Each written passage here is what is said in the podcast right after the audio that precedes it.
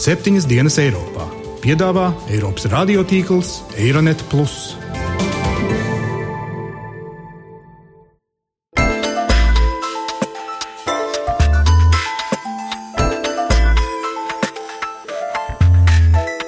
Šonadēļ septiņas dienas Eiropā dzirdēsim. Почему мы подошли к этому кризису на Украине? Pacientam ir zināmas problēmas ar trauksmi. Nē, šī ir NATO teritorija. Piektais paragrāfs pilnībā attieksies arī uz Baltijas valstīm.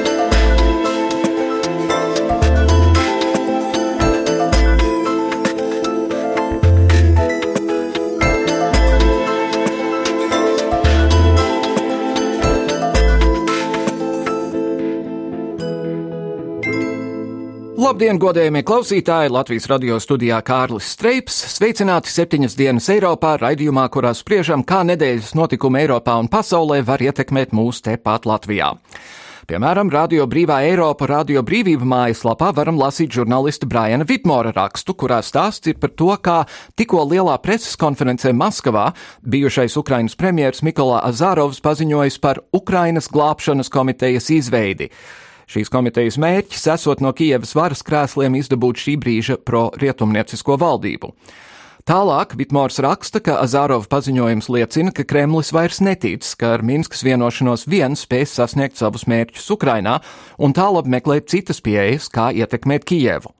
Kā pierādījums šim tiek minētas klīstošās runas par Krievijas pilsonības piedāvāšanu separātistu teritorijās vai izteikumi, ka šīs teritorijas varētu kļūt par Krievijas protektorātu. Tiesa, Vitmors arī apgalvo, ka problēmu pamatā ir fakts, ka Maskava patiesībā nemaz nevēlas šīs teritorijas. Tā nevēlas tās pārņemt un nekādā gadījumā nevēlas sekt izmaksas saistītas ar šo teritoriju uzturēšanu. Viss, ko Kremlis vēlas, ir izmantot konfliktu Donbasā, lai bremzētu Ukrainas attīstību un paralizētu Kievas valdību. Tālāk šodien raidījumā spriedīsim ar nākamo Latvijas vēstnieku NATO Intuli Bērziņu par šī brīža drošības politikas aktualitātēm, turklāt noskaidrosim, kāda diagnoze tiktu uzstādīta, ja Krievija apmeklētu psihoterapeitu. Toties vispirms uzklausīsim dažus viedokļus par Vācijas tā saukto Snowdena skandālu.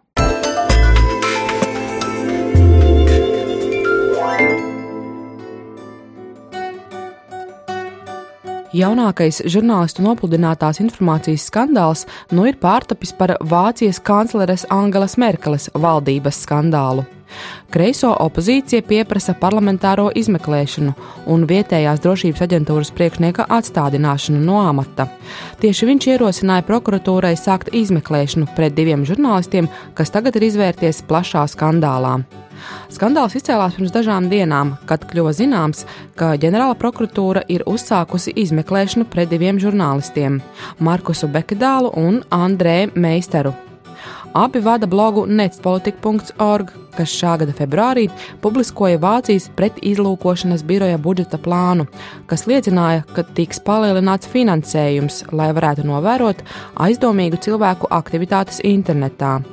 Aprīlī sekoja vēl viena publikācija, kas skaidroja, ka ieceri jau sāk īstenot. Organizācijā tiek veidota īpaša struktūra vienība, kuras uzdevums ir monitorēt sociālos tīklus. Izmeklēšanu pret abiem žurnālistiem oficiāli ierosināja Vācijas ģenerālprokurors Haralds Range, kurš skandāla dēļ jau bija spiests amatu atstāt. Gan pēc rangas, gan arī pretizlūkošanas dienesta amatpersonu domām informācijas publiskošana ir traktējama ne tikai kā valsts noslēpumu izpaušana, bet pat kā valsts nodevība. Vācijas krimināla kodeks par šādu noziegumu paredz līdz pat 15 gadiem cietumā, bet atsevišķos gadījumos pat mūža ieslodzījumu. Sašutumu par šāda soda iespējamību skaidro viens no apsūdzētajiem Markus Bekedāls. Äh, machen wir uns vor jeder Veröffentlichung, vor allen Dingen von solchen. Protams, pirms jebkuras publikācijas, īpaši tik liedzoša materiāla kā šis, mēs apsveram iespējamos riskus. Taču mēs nekad nebūtu iedomājušies, ka žurnālistus var apsūdzēt valsts nodevībā. Vācijas sabiedrībā, kas vēl tikai pirms dažām desmitgadēm piedzīvoja nacistisko Adolfa Hitlera režīmu, jebkāda sabiedrības brīvības apspiešana tiek uztverta ļoti sāsināti. Lai gan vēlāk atklājās, ka prokuratūra tikai gatavojās, nevis jau apsūdz žurnālistus valsts nodevībā, tūkstošiem cilvēku pagājušā nedēļā jau izgāja valsts galvaspilsētas Berlīnes ielās, lai paustu protestu pret sākto žurnālistu vajāšanu. Protesta akcijā piedalījās arī otrs apsūdzētais žurnālists Andrē Meisters, kurš notikušo salīdzina ar ASV vēršanos pret Edvardu Snaudenu. Apsūdzības ir absurdas, jo patiesībā te ir runa par slepeno dienestu organizētu spiegošanu. Bez tāda ziņotāja, kāds ir Edvards Snowdens, mums pat nebūtu nojauta, ka kas tāds vispār notiek, ko drošības dienesti dara nodokļu maksātāju naudu.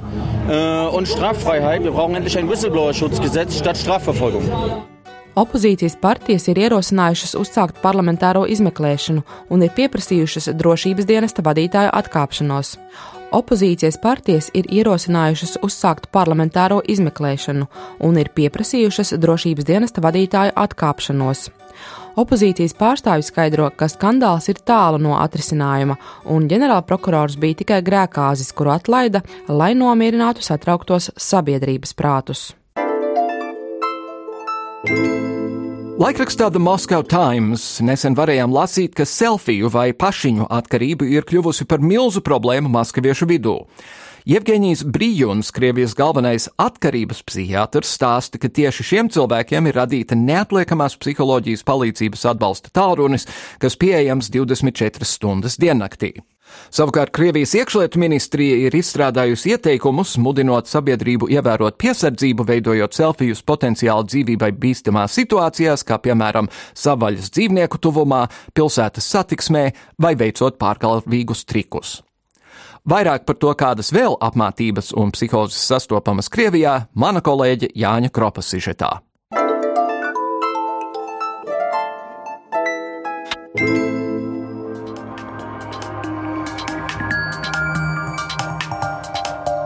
Nenogurstoši ilgi esam sekojuši līdzi Krievijas ārpolitikai, aicinot dažādus politikas zinātnē, ekonomikā vai starptautiskajās attiecībās zinošus cilvēkus izteikt savas prognozes, ko tad šīs valsts valdība cenšas panākt. Te iebrukums Grūzijā, te Ukrainas krīze atkal tiek pārvietota robežu stabiņu strīdīgajās Osetijas teritorijās, un te vēl visam pa vidu skandalozi notriek tā Malaizijas lidmašīna. Mēdz teikt, ka Krieviju ar prātu nesaprast, bet ja nu sanāk tā, ka to var saprast kā pacientu, varbūt Krievijai ir nepieciešama psihoanalītiķa palīdzība. Amerikāņu un Vācu psihiatru asociācijas tās uzvedību ir centušās skaidrot ar amoka skrējienu, kas nozīmē to, ka cilvēks, piemēram, nonācis šādā skrējienā, atrodas tādā stāvoklī, ka viņam jau ir vienalga, kādas sekas sekas izraisa viņa paša rīcība. Bez kāda būtiska iemesla šāds pacients kļūst agresīvs, draud nodarīt miesas bojājumus, iespējams pat nogalināt un iznīcināt visu sev apkārt, līdz viņš saskars ar pagurumu un tad arī zaudē atmiņu. Vai šādam aprakstam atbilstu Krievija? It kā šķiet, nu kur tad valsti salīdzināt ar cilvēku, bet ja nu tomēr Krievijas inteliģencei alaži ir paticis reakcionāri pārdomāt dažādas ideoloģijas, diskutēt par pasaules kārtību, Vladimiram Putinam, piemēram, patīk piesaukt īpašo Krievijas demokrātijas modeli. Krievijā ļoti labi veicas ar dažādu sazvērestības teoriju meklēšanu, tajā pašā laikā slikti veicas ar mēģinājumiem vienkārši nokopēt citu valstu pieredzi, lai paši dzīvotu labāk. Labs piemērs tam, ka Krievija vienmēr un visur meklējas attaisnojumu ārpasaulē, ir Krievijas prezidenta izteiktās atziņas Sanktpēterburgas ekonomikas formā. Tajā viņš kārtējo reizi uzskatāmi demonstrēja, ka Krievija nav cēlonis postījumiem Ukrainā, patiesībā pie vainas esot Amerikas Savienotās valstis. Mēs daudz runājam par to, kas jau ir bijis, bet nerunājam par to, kāpēc tas notika, kāpēc mēs esam nonākuši līdz Ukrainas krīzei. Esmu pilnīgi pārliecināts, ka tas ir saistīts ar eiforijas stāvokli, kas pārņēma mūsu starptautiskos partnerus pirmām kārtām jau ASV pēc PSRS sabrukuma. ASV ir pieļāvuši šādas savas ārpolitikas kļūdas. Tāds bija Irākā, vēlāk arī paši tās atzina, bet pieļāva no jauna Lībijā. Atzina arī šīs kļūdas un tūlīt pat tās atkārtoja Ukrainā. Mēs neesam sākuma iemesls tam, kas šobrīd notiek Ukrainā. Mēs uzskatām, ka šobrīd būtu jāievēro Minskas vienošanās. Krievija nekad nebūtu parakstījuši šos dokumentus, ja nebūtu gatava to ievērot. полного исполнения. Pie Vladimira Putina retorikas esam pieraduši. Tur nav nekā jauna. Viņš alaži ir publiski solījis darīt visu, bet nedara pat pusi no apsolītā. Savukārt, ja dara, tad dara to tādā citādā izpratnē. Skaidrs, ka Krievija ir kas vairāk par vienu prezidentu, taču Krievijas kā pacienta vērtējumu sniedz psiholoģu un sociālo psiholoģisko treniņu pasniedzēja Kristiāna Lapiņa. Pacientam Ir zināms problēmas ar trauksmi, trauksmes līmeni. Tāds cilvēks, kuram varētu būt tāda uzvedība, kas ir vērsta tik ļoti uz uh, aizsargāšanos, uz uh, neiecietību, zināmā mērā pret jebkāda veida kritiku, varbūt pret jebkāda veida izteikumiem no citiem cilvēkiem, šajā gadījumā varbūt tas būtu citas valstis, jā, nespēja īsti iet uz dialogu un ļoti, ļoti tāda spēcīga norobežošanās. Tiešām tas varētu liecināt par trauksmi, par trauksmes tipu traucējumiem, reizēm par kaut kādām panikas lēkmēm, ja, kas uzmācās tādiem tādiem cilvēkiem. Varbūt, ka tas ir personības iezīmes, ja ir kaut kāda personības traucējuma, kas ir saistīta varbūt ar, ar nedaudz paranoīdu, kaut kādu tādu aspektu. Un brīžam šķiet, ka nu, tāds cilvēks, kas tā uzvestos, vairāk tas ir saistīts ar, ar tādām dziļām, ar trauksmu saistītām lietām, ja, ar, ar tādu iekšēju dziļu nepārliecinātību, varbūt, arī ar tādu tiekšanos atsaukties uz zaudētajām lietām, zaudētajām vērtībām un ar diezgan lielu vēlmi apliecināt sevi, bet tas noteikti izskatītos pēc tādas hiperkompensācijas, ja, ka cilvēks cilvēks tiecas vēl vairāk apstiprināt to, kas viņam pietrūkst, un viņš to dara tā, lai to visi pamana, lai to visi redz. Viena no ASV un Vācu psihiatru atziņām ir, ka pacients, kurš atrodas destruktīvā paša iznīcināšanās stāvoklī, mēdz saskarties ar tādām kā neveiksmes pazīmēm. Nu, ja skatās uz Krieviju, tā cenšas demonstrēt savu spēku ar dažādām pompozām parādēm, gluži kā citās valstīs pieņemts, piemēram, Krimā Krievijas karakuģi jūlijā vēlējās parādīt valsts kaujas spējas, izšaujot raķetes. Viena nokrita turpat kuģa priekšgalā, otra vispār no šahtas nelīd ārā pat lūgta. Bez maz vai pārņem tāda sajūta, ka Krievijai katastrofāli neveicas ar sabiedriskajām attiecībām. Kristiāna Lapiņa uzskata, ka veiksmi vai neveiksmi definēt nav iespējams. Veiksme tomēr ir daļēji apzināti plānots pasākumu kopums, kas noved pie vēlamā rezultāta. Vēl viens interesants stāsts ir par valsts eliti, to, ko saucam par politisko vai garīgo. Protams, Krievijā šī elite ir izkropļota gluži kā citās postpadomju valstīs, iespējams arī tāpat kā Latvijā, jo tā sauktā elite ir izveidojusies, lai apmierinātu savas pašas intereses. Toties Krievijā laicīgās un garīgās varas nošķīrums vispār neeksistē. Lai arī Krievijas patriarhs saka, ka baznīca vēl nekad nesot bijusi tik brīva no valsts kā Putina laikā, tas tomēr nav traucējis baznīcai saņemt vairākus grantus no valsts kases. Papildus vēl Krievijas pareizticīgā baznīca baznīca palīdzēs cīnīties ar korupciju un ēnu ekonomiku. Loģisks jautājums, kādā veidā? Ja jau baznīca ir nesaistīta ar valsti, kāda tai ir ietekme uz ekonomiku? Piemēram, Krievijas patriārhs Kirillis uzskata, ka baznīca ir ideoloģija, kas var manipulēt ar cilvēku prātiem. Baznīca pretendē uz tiesībām vadīt jūsu apziņu un manipulēt ar jūsu gribu.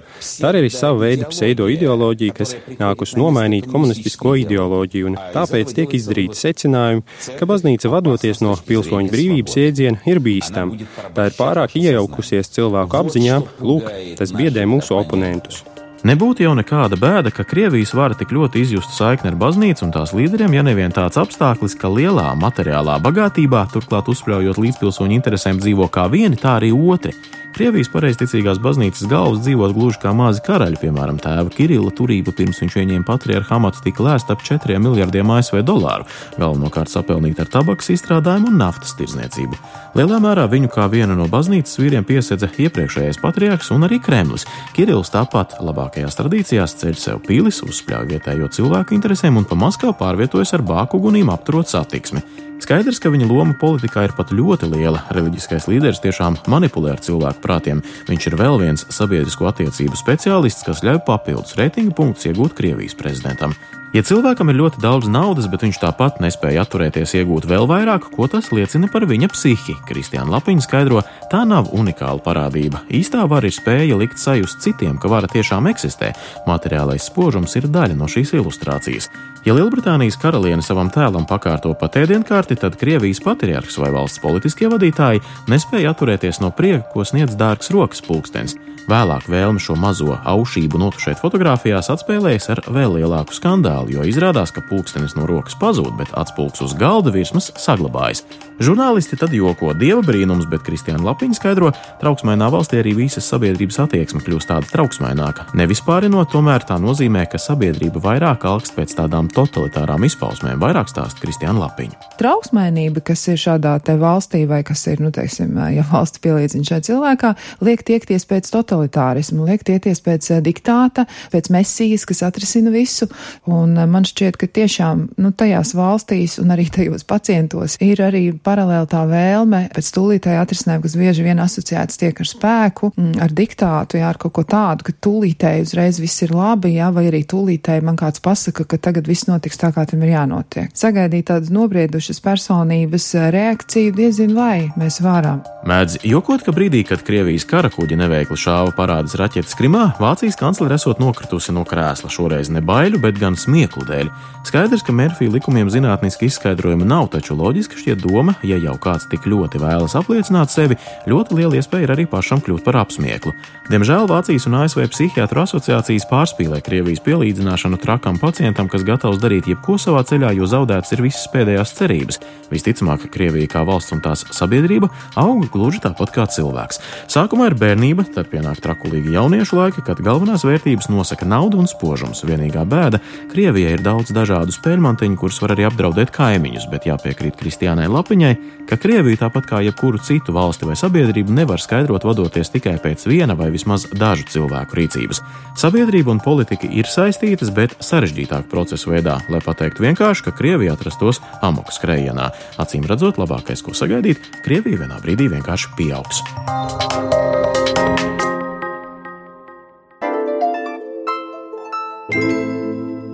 Lai apspriestu šī brīža drošības politikas aktualitātes, uzlidojumus pie Turcijas robežām, nebeidzamās provokācijas Krievijas pierobežā, kā arī Baltijas un Somijas drošību, uz sarunu šodien studijā esam aicinājuši nākamo Latvijas viesnieku NATO Indulu Bērziņu. Labdien! Labdien! Ar 1. septembrī jūs laikam sāksiet darbu. Jā, ar 1. septembrī man ir jāsāk darbs Briselē, un tad jau redzēsim. Jā, un ar, ar kādām emocijām jūs tam pieejat? Nu, ņemot vērā pašreizējo ģeopolitisko situāciju, būtu vieglprātīgi vienkārši tā priecāties par jaunu nozīmējumu Šobrīd varbūt ne tik daudz ar emocijas, cik uh, ikdienas darbs, tiekoties gan aizsardzības ministrijā, gan ar cilvēkiem, kas saistīti ar drošību un aizsardzību, lai sagatavotu sevi pēc iespējas labāk šim nākošajam uzdevumam. Es ceru uz nākošiem četriem gadiem pārstāvēt Latvijas intereses NATO un, lai cik tas dīvaini arī nebūtu, bet skaidrot NATO pozīciju šeit Latvijā, jo gal galā NATO nav savu vēstnieku Latvijā, Lietuvā vai Igaunijā. Nu jā, sākot ar diviem procentiem iekšprodukta izdevumos un tā tālāk. Tieši tā, un tas man īstenībā liekas dīvaini dīvaini. Nu, piemēram, ja tev viss, kas tev pieder, un ja tu no tā visu to, kas tev pieder, naudu un tā tālāk, kas ir IKP, ja tu, piemēram, no tā 2% veltīji savas mājas aizsardzībai, visu veidu aizsardzībai, vai kādam tas liksies daudz. Nē, bet ja mēs runājam par mūsu valsti, par Latviju, kas mums arī ir viena, tāpat kā katram, nu, starp citu mājas, kādam var būt vairākas, kamēr Latvija visiem mums ir viena, tad mums tas liekas ļoti daudz, un tad ir diskusija par to, vajag vai nevajag. Manā uzturē vajag, jo, ja nebūs Latvijas, tad nebūs nekā. Es esmu piedzīvojis to laiku un dzīvojis padomju savienībā, kad Latvijas kā neatkarīgas valsts nebija, ka viņi pastāvēja tikai de jure, un daudz valsts nebija atzinušas Latviju, un daudz valsts nebija atzinušas to, ka Latvija ir iekļauta padomju Savienības sastāvā, tad darbojās mūsu diplomātiskās misijas ārzemēs, bet kopumā Latvija, protams, bija okupēta teritorija. Es to esmu piedzīvojis, es negribu vairāk neko tādu piedzīvot un darīšu visu, lai tāds nebūtu. Kā jūs vērtējat to, ka NATO ir paziņojusi, ka rudeni samazinās gaisa patruļus pa vienu pusi? Mēs jau par to runājam, ka es vēl tikai dodos uz NATO, un man nav kaut kāda papildus informācija, bet kā es vērtēju, ņemot vērā to informāciju, kas man ir, tā skaitā arī lasot analītiskos rakstus un visu veidu informāciju, kādus esmu ieguvis. Principā tas solis, ka tika palielināts lidmašīnu skaits no 4 uz 16, bija arī zināmā mērā kā signāls Krievijai. Nē, šī ir NATO teritorija. Jums ir jāsaprot, ka ja kas piektais paragrāfs pilnībā attieksies arī uz Baltijas valstīm. Un tas bija tāds ļoti spēcīgs signāls. Starp citu, atsūtīt lidmašīnas ir daudz vienkāršāk nekā veikt jebkura cita veida militāru vienību pārvietošanu. Tāpēc šīs lidmašīnas ieradās šeit diezgan ātri. Viņas bija 16, kamēr reālai patrulēšanai ir nepieciešams 8. Un tā kā, protams, arī NATO skaita naudu un varbūt daudz vairāk nekā citas valsts, tad ir pilnīgi loģiski, ka tagad mēs atgriežamies pie tā skaitļa, kas ir reāli vajadzīga, kā to uzskata NATO virspavēlniecība Eiropā. Tās ir astoņas lidmašīnas. Viņas pilnībā var veikt visas funkcijas, kas ir nepieciešamas, lai aizsargātu miera apstākļos, un pagaidām, paldies Dievam, tas ir miera apstākļi, un es ceru, tāda arī būs mūsu debesis un arī mūsu zeme no gaisa. Un vienalga divreiz vairāk nekā bija sākotnēji. Pilnīgi pareizi. Protams, ka astoņi divreiz vairāk nekā četri. Ļoti nu, precīzi. Ja. Un, ja viena salūst, tad var atsūtīt citu un, nu, un tā tālāk. Kā jau teicu, lidmašīnu pārvietot ir ļoti vienkārši, un tur nav vajadzīgs dienas, mēneši vai nedēļas. To var izdarīt dažu stundu laikā, ja tas ir nepieciešams. Cik lielā mērā jūsuprāt NATO ietvaros tiešām ir vienprātība par to, ka piektais pants būtu iedarbināms, ja, ja Krievija kaut ko uzsāktu? Jo ir valstis NATO, kuras ir Krievija mēģina pa labam Es domāju, ka vienprātība ir pilnīga, kas attiecas par 5. pantu pielietošanu. Cits jautājums, ka varbūt diskusija par to, kad iedarbināt 5. pantu, vai viņi vienā vai otrā situācijā, un te ir tas pats bīstamākais, jo iespējamā hibrīda kara apstākļos ir grūti novilkt to robežu, kad 5. pants ir jāiedarbina. Un tad, protams, liela atbildība ir arī Latvijas vēstniekam NATO, ja tas ir nepieciešams, lai pārliecinātu savus kolēģus par to, ka jā, tagad ir laiks. Un tā pašā laikā mēs nevaram uzvesties kā tā pasakā Ganuzēns, kurš nepārtraukti kliedz, ka vilks aitās, vilks aitās. Un tad, kad tas vilks bija aitās, tad, protams, neviens vairs viņam palīgā negāja. Tad mums jābūt pašiem pilnīgā skaidrībā, kad tad Latvijas prezidents zvana, piemēram, ASV prezidentam, kad Latvijas vēstnieks NATO prasa iedarbināt 5. pantu. Starp citu, bez 5. panta ir vēl 4. ko nu pat pielietoja Turcija. Tas ir konsultācijas, ja situācijas sarežģīs. Ja, piemēram, mums ir kaut kāda signāla, kas liecina par nedraudzīgām aktivitātēm, protams, mēs varam iedarbināt 4. pantu. Cik es saprotu, piektais pants ir iedarbināts tikai vienreiz vēsturē. Tas bija pēc terora aktiem Ņujorkā, ko par īsti karu un invāziju neuzskatīts. Jā, bet tas bija teroristu uzbrukums uh, Amerikas Savienoto Valstu teritorijai. Tā nu sanāca, ka tieši to brīdi es pats biju Vašingtonā kā ārlietu ministrs. Man bija sarunas par nākotnē Latvijas līdzdalību NATO, starp citu. Un, nu jā, es biju Vašingtonā un hotels man bija Crystal City, un es braucot atgriežoties no mūsu vēstniecības pašās dienas beigās, uz, lai izgulētos savā hotelī, es redzēju dūmus no Pentagona un redzēju, kā Pentagona viens spārns deg. Vai jums bija grūti atgriezties Latvijā tajās dienās? Fiziski, jā, un ne, no vienas puses Amerikas valdība, protams, bija ieinteresēta ātrāk, es atvainojos, bet tikt vaļā no visām oficiālām personām, lai pat risinātu tās problēmas, ar kurām viņi bija sadūrusies. Un tāpēc, pieņemsim, Lietuvas prezidentu, kas tobrīd tur atradās, un mani ar lidmašīnu aizsūtīja uz Islandi, un no Islandes ar Lietuvas lidmašīnas atgriežos Viņā un pēc tam jau Latvijā. Tā kā nekas tur tik sarežģīts nebija, bet, protams, ka pasažieru lidmašīnas tobrīd nelidoja. Tā dīvainā sajūta, kad mēs lidojam, tā bija skaista diena, saulaina diena, mēs lidojām virs Ņujorkas, vēl varēja redzēt, kā tā, no tās vietas, kur kādreiz bija bijuši, kur iepriekšā dienā vēl bija bijuši divi torņi, kūpēji dūmi, un visa gaisa telpa bija tukša izņemot daži iznīcinātāji kaut kur okeāna virzienā.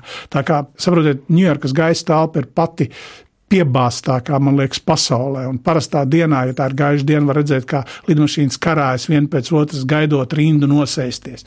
Tobrīd nebija nevienas lidmašīnas. Jā, tas, varbūt, tas man atstājis iespēju, es gandrīz vai tā acīm joprojām redzu to skatu, cik tas bija tāds šausmīgs, tas šausmīgs klusums. Tāpēc arī īstenībā ir ar pilnu izpratni jāizturas pret mūsu dienvidu partneriem, kuri varbūt nevienmēr ar pilnu izpratni izturas pret mums, kad mēs runājam par mūsu apdraudējumu šī reģionā, bet arī viņiem šis terorismu apdraudējums ir ļoti nopietns. Kaut gan atcerēsimies vienu - teroristi kā tādi, viņi nevar iznīcināt valsti. Viņi var izdarīt milzīgu nelaimi cilvēkiem. Cilvēki var iet bojā, viņi var tikt ievainot. Bija arī Madridē un Londonā. Jā, sprācieni. tieši tā. Un Londonā es atkal biju tur kā vēstnieks, godīgi sakot. Man tā nelaimējies dzīvē ir būt divreiz tajās vietās, ka tieši notiek terora akti. Tā skaitā Londonā es biju vēstnieks. Un tur tieši tāpat kā Amerikā cilvēki zvanīja, prasīja par saviem tuviniekiem, jo baidījās, ka viņi varētu būt cietuši. Mm -hmm. Bet tātad šie teroristi ir ļoti bīstami. Un, kā to pierādīja Amerikas Savienotās valstis, nepieciešams jāiedarbina piektais pants, bet tajā pašā laikā, protams, ja reāls apdraudējums nāk no mūsu kaimiņu valsts, pagaidām šāda apdraudējuma nav. Krievijai ir iespēja iznīcināt, piemēram, kādu valsti, kas atrodas kaimiņos, protams, saņemot atbildi no NATO viennozīmīgi 5. panta ietvaros. Es domāju, ka tas, es ceru, ka tas nekad nenotiks, bet Krievijai ir šāda iespēja. Vai Krievijai ir šāda vēlme to izdarīt? Es ceru, nē, tāpēc, ka Krievija ļoti labi apzinās, ko tas nozīmētu. Piektais pants, ko nozīmētu karš ar pasaulē spēcīgāko aizsardzības organizāciju, kāda ir NATO. Turklāt, ja uzmestu kodolieroci Tallinai, Sanktpēterburgi jau ciestu gandrīz tikpat daudz. Nu, kodolkarš tas būtu kaut kas briesmīgs, es, es ceru, ka nenonāks ne pie parastā, ne pie kodolkara. Es tiešām ceru, ka mums, ja jau līdz šim ir izdevies pa to naža asmeni noiet, tad uh, turpināsim tikpat uzmanīgi savu ceļu tālāk. Kā jūs tādā gadījumā vērtējat Krievijas ļoti, ļoti, ļoti biežās ekskursijas mūsu gaisa telpas pierobežā, arī jūrā viņu kuģi braukā un reizēm ir stipri provokatīvi? Tas ir vienkārši, lai kācinātu, vai jūs, jūs prāt, tur ir kaut kas no nopietnāks apakšā?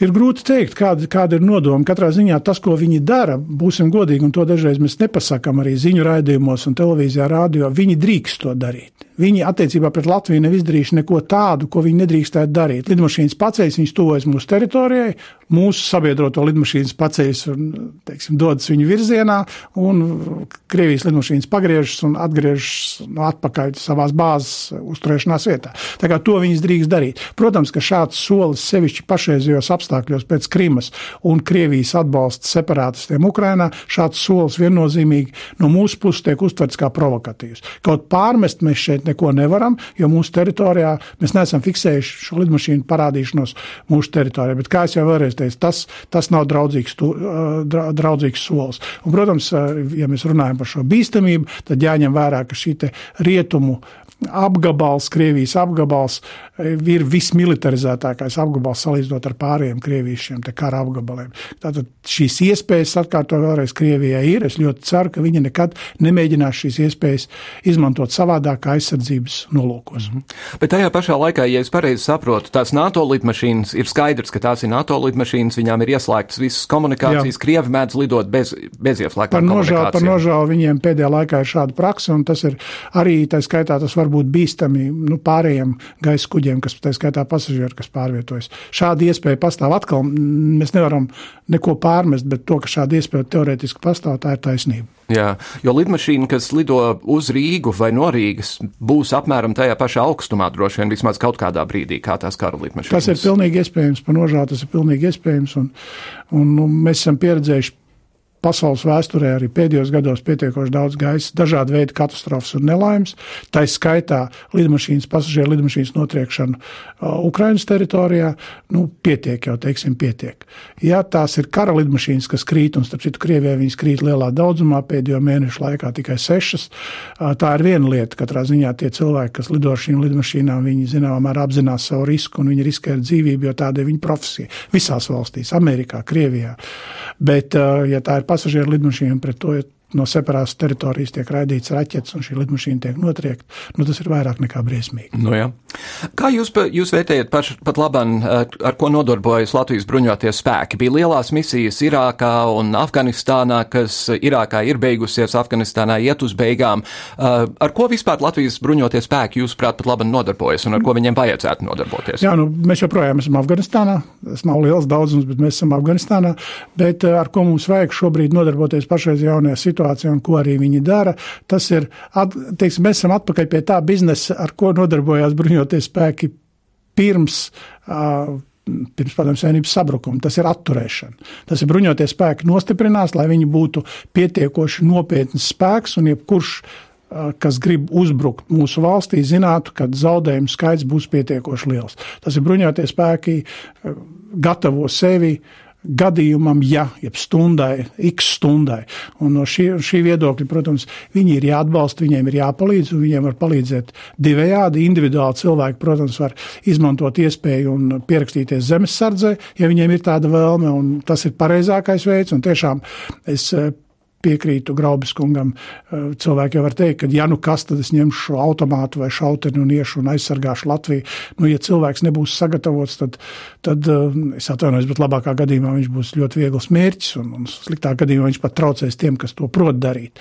Bet tā tad ir iespēja pierakstīties zemesardzē, bet uh, valdībai kā tādai, tātad mums visiem, jo zināmā mērā mēs jau esam izvēlējuši parlamentu un parlaments ir iecēlis šo te valdību, ir jārūpējas par to, lai budžets pieaugtu pietiekoši ātri un lai šai 18. gadā, um, nevis 20. kāds likumā, bet 18. gadā atbilstoši valdības uh, teiksim, apņemšanai, kur viņi ir pieņēmuši šo lēmumu, tikt sasniegt šie 2%. Tas, starp citu, ir līguma trešais pants, kas nosaka, ka katrai valstī atsevišķi un valstu grupā, kopum, grupām kopumā ir jādara viss, lai sagatavotu sevi aizsardzībai un aizsargātu savu teritoriju.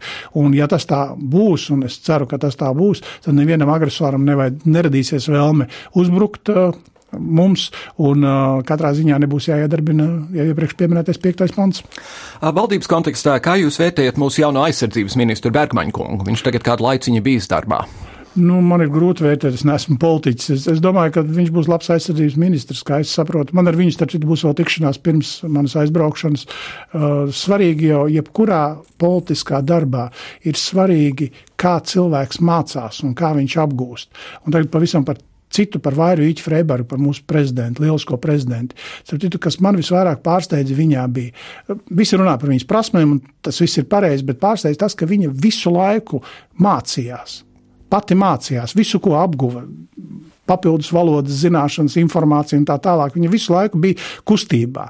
Viņa, viņa ne, neuzvedās tā, nu es esmu pietiekoši gudra un es jau visu tāpat zinu. Ja? Kaut viņa tiešām ļoti daudz zināja, bet viņa visu laiku turpināja. Un man liekas, ka tas ir pats būtiskākais, lai politiķis būtu veiksmīgs, lai viņš daudz ko sasniegtu. Viņam vajag nepārtraukti mācīties. Un tas pats attiecas arī uz ministriem, uz jebkuru ministru. Te nav runa tikai par aizsardzības ministru. Un, ja cilvēks to spēj, ja viņš spēj koncentrēt sevi uz mērķa sasniegšanu, šajā gadījumā uz informācijas iegūšanu, mācīšanos, pēc tam viņas veiksmīgu pielietošanu, tad noteikti rezultāts būs pozitīvs. Mm -hmm. Un vai šajā kontekstā vai NATO priecājas, ka mūsu jaunais valsts prezidents ir bijis aizsardzības ministrs un tā tad drēbi pazīst? Es to varēšu pateikt, tad, kad es būšu bijis Briselē, bet es domāju, noteikti. Es domāju, šī ziņā mums ir paveicies ar prezidentu, šī ģeopolitiskā situācijā mums ir paveicies ar prezidentu, ka viņš tiešām zina šīs lietas un zina ļoti perfekti. Man ar viņu ir bijusi tikšanās un saruna, kur arī viņš man izteica to, ko viņš vēlas, kas ir sevišķi, kur man uzmanība ir jāpievērš kā vēstniekam NATO. Kā, man vienmēr būs iespēja ar viņu konsultēties, ja tas nepieciešams. Un ne tikai kā valsts prezidentu, bet arī kā zinošu cilvēku un ekspertu. Pēc jūsu izpratnes, ar, ar ko nodarbojas vēstnieks NATO ikdienā? Atšķirībā no divpusējā vēstnieka, kurš lielā mērā pats nosaka dienas kārtību, izņemot, tad, kad ir vizītes vai kaut kādas oficiālas ceremonijas. NATO praktiski trīs dienas nedēļā ir oficiāls sanāksmes, kur tiek spriesti visdažādākie jautājumi, bet kurus visus apvieno viens - drošība. Drošība NATO valstīm. Ir ekstremālas situācijas, kāds nesen bija gadījumā ar 4. panta iedarbināšanu, kad Turcija aicināja iedarbināt 4. pantu. Tad tā ir ekstremāla situācija, bet kopumā teiksim, visā šīs apspriedēs tiek runāts par to, kā palielināt drošību. Un īstenībā, teiksim tā, kā nepieļaut karu. Mm -hmm. Jo svarīgi jau ir, es esmu runājis ar militāru personām un runājis par to, kas notiktu, ja kas viņi uzskata, ka teiksim, ir šāds konvencionāls karš. Nu, ja ir teiksim, kodola karš, tad, tad neviena nav uzvarētāja. Bet konvencionālā karā, protams, NATO spēki ir daudz, viņiem ir daudz priekšrocības salīdzināt, piemēram, ar Krievijas eh, militāriem spēkiem. Bet šajā gadījumā, protams, tādas valsts kā Baltijas valsts būtu cietējusi jebkurā gadījumā. Mm -hmm. Jo ja šeit, ja nenostrādā šī atturēšanas politika, un tāpēc tik svarīgi ir šie 2%, tāpēc tik svarīgi ir pašiem darīt savus mājas darbus, tāpēc tik svarīgi ir sadarboties ar mūsu partneriem un izprast viņu vajadzības, lai viņi izprot mūsu vajadzības. Tātad, lai nekad nebūtu jāpielieto šis piektais pants, lai nebūtu jāizsargā Latvija reāli un nedod Dievs jāatgūst teritoriju.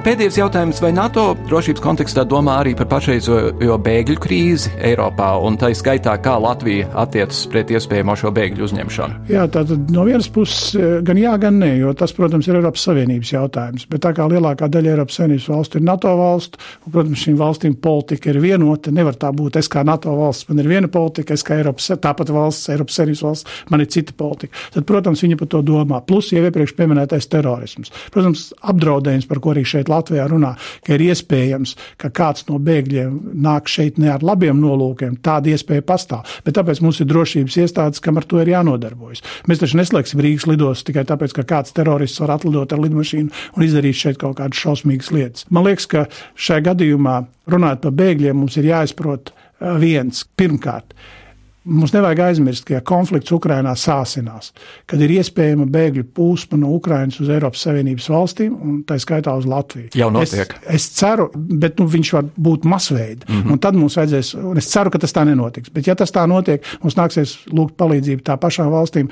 kurām mēs šobrīd negribam dot palīdzību, citām Eiropas Savienības valstīm. Tā kā no šī viedokļa, man liekas, diskusija par 250 vajag vai nevajag, vajadzētu pārvērst citā virzienā. Tas ir kā panākt, lai šie cilvēki tiktu uzņemti Latvijā, integrēti Latvijā, un, ja nedodies kādam ir slikti nodomi, lai tas tiktu izņemts no tās kopējās buķetes un attiecīgi ar viņu jau strādātu citas organizācijas. Mm -hmm. Tā tad uh, ir ļoti būtiski izprast mūsu partneru NATO problēmas un mēģināt ne tikai iedziļināties viņās, bet arī palīdzēt viņiem viņas risināt. Tad viņi palīdzēs risināt mūsu problēmas. Ja mēs turpināsim dzīvot pēc principa, ka nu, mēs tie nabadzīņi, mēs savā laikā bijām okupēti, lūdzu palīdziet mums, un ja viņi prasa mūsu palīdzību, nē, nē, mēs jau neesam spējīgi, nu tā tas neies. Tas tā, mm -hmm. nav šeit, nav pusdienu par brīvu. Un paturēt arī prātā, piemēram, ka mazā Jordānija ir uzņēmusi vairāk nekā miljonu bēgļu un kaut kā ar viņiem tiek galā. Tieši tā, tieši tā. Nu, atliek jums vēlēt eh, veiksmi jaunajā amatā. Tas noderēs, paldies. Latvijas vēstnieks NATO Induls Bērziņš, paldies jums par sarunu. Somu tautai esot tāda raksturīpašība, ko paši dēvē par sīsū. Daži sīsū tulko kā drosmi un apņēmību, citi kā stūrgalvīgu turēšanos pie lēmumiem par spīti jau kādām neveiksmēm. Mēs septiņas dienas Eiropā varam tikai atsaukt atmiņā Somu Ziemasskāru, kā arī Nokia, Spozmi un Panīkumu. Helsinku vienošanās un Eiropas drošības un sadarbības organizācija atzīmē savu 40. gada dienu Krievijas-Ukrainas konflikta ēnā. Ja viena organizācijas valsts spēja uzbrukt citai šīs starptautiskās organizācijas valstī, ko tas nozīmē turpmākai ECO pastāvēšanai, komentē deputāts Atis Lēņš. Nu, es domāju, ka nākotnē tas neko labi nevēstīja, jo nebija tikai tas, ka uzbruka bet arī tas, ka tas turpinās. Proti, nu, kā teiksim, Krievijas draugi centās tādā pašā jubilejas konferencē Helsinkos panākt to, ka Krievija nenosoda par to uzbrukumu. Tātad te mums ir divas lietas. Tas pats uzbrukums kā fakts un tas tā politika, kas pēc tam notiek, ka bija diezgan enerģiska un um, visaptroša kustība no vairākām delegācijām, izmantot defektu, kā saka, kā efektu. Proti, tāpēc, ka netika ielaist iekšā daži Krievijas delegācijas locekļi, panākt to, ka, lūk, ja viņi nav klāta, viņi, ka Krievija tad nevar nosodīt. Tā gan viņiem jau tā delegācijā ir kā 20, 21 loceklis, un viņi varēja braukt pie pārējie, un uh, gaisotni bija diezgan saspīlēta. Pat tāds valsts kā Vācija, Francija uh, uzstāja par to. Tomēr labā ziņa tā, ka beigās milzuma vairums atcīt šo te mēģinājumu un pieņem stingras rezolūcijas nosodot Krieviju, ka nevar uzbrukt otrai ECO valstī. Ja Krievija, kā mums tur teica, kuluāros ļoti strādāja par to, ka caur saviem draugiem pēdiņās panākt to, lai nenosot, acīm redzot, viņai tas uztrauc par nosodu. Beig beigās, nu cik tur valsts ir ECO, ECO organizācija ļoti daudz un nosodīja un diezgan pamatīgi, ka tie teksti bija labi. Tā ir viss tā mūsu problēma, problemātika ar to, kas ir Krievija un kas viņa būs nākotnē. Un, nu, tur jau komentāri liek, mēs visi zinām par to daudz rakstu, un, un NATO savas pozīcijas stiprina austrumu, kā saka, frontē. Un tāda ir tā situācija, kā mums tālāk attīstīsies Krievija, mēs jau arī nezinām, jā. Bet, nu, nekas labs tur neizskatās. Thank you. To arī izskan šīs nedēļas septiņas dienas Eiropā. Nu, traki ir ar tiem hakeriem, traki ir ar to Krieviju, traki ir ar Krievijas psihotisko raksturu. Kas cits atliek? Lūksim Dievu un dzīvosim tālāk. Līdz nākamajai nedēļai, dāmas un kungi, Kārlis Streips jums saka visu labu!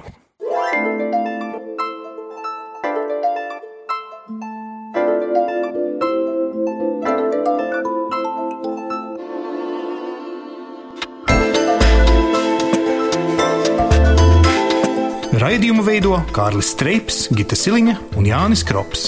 Producents Lukas Rozītis.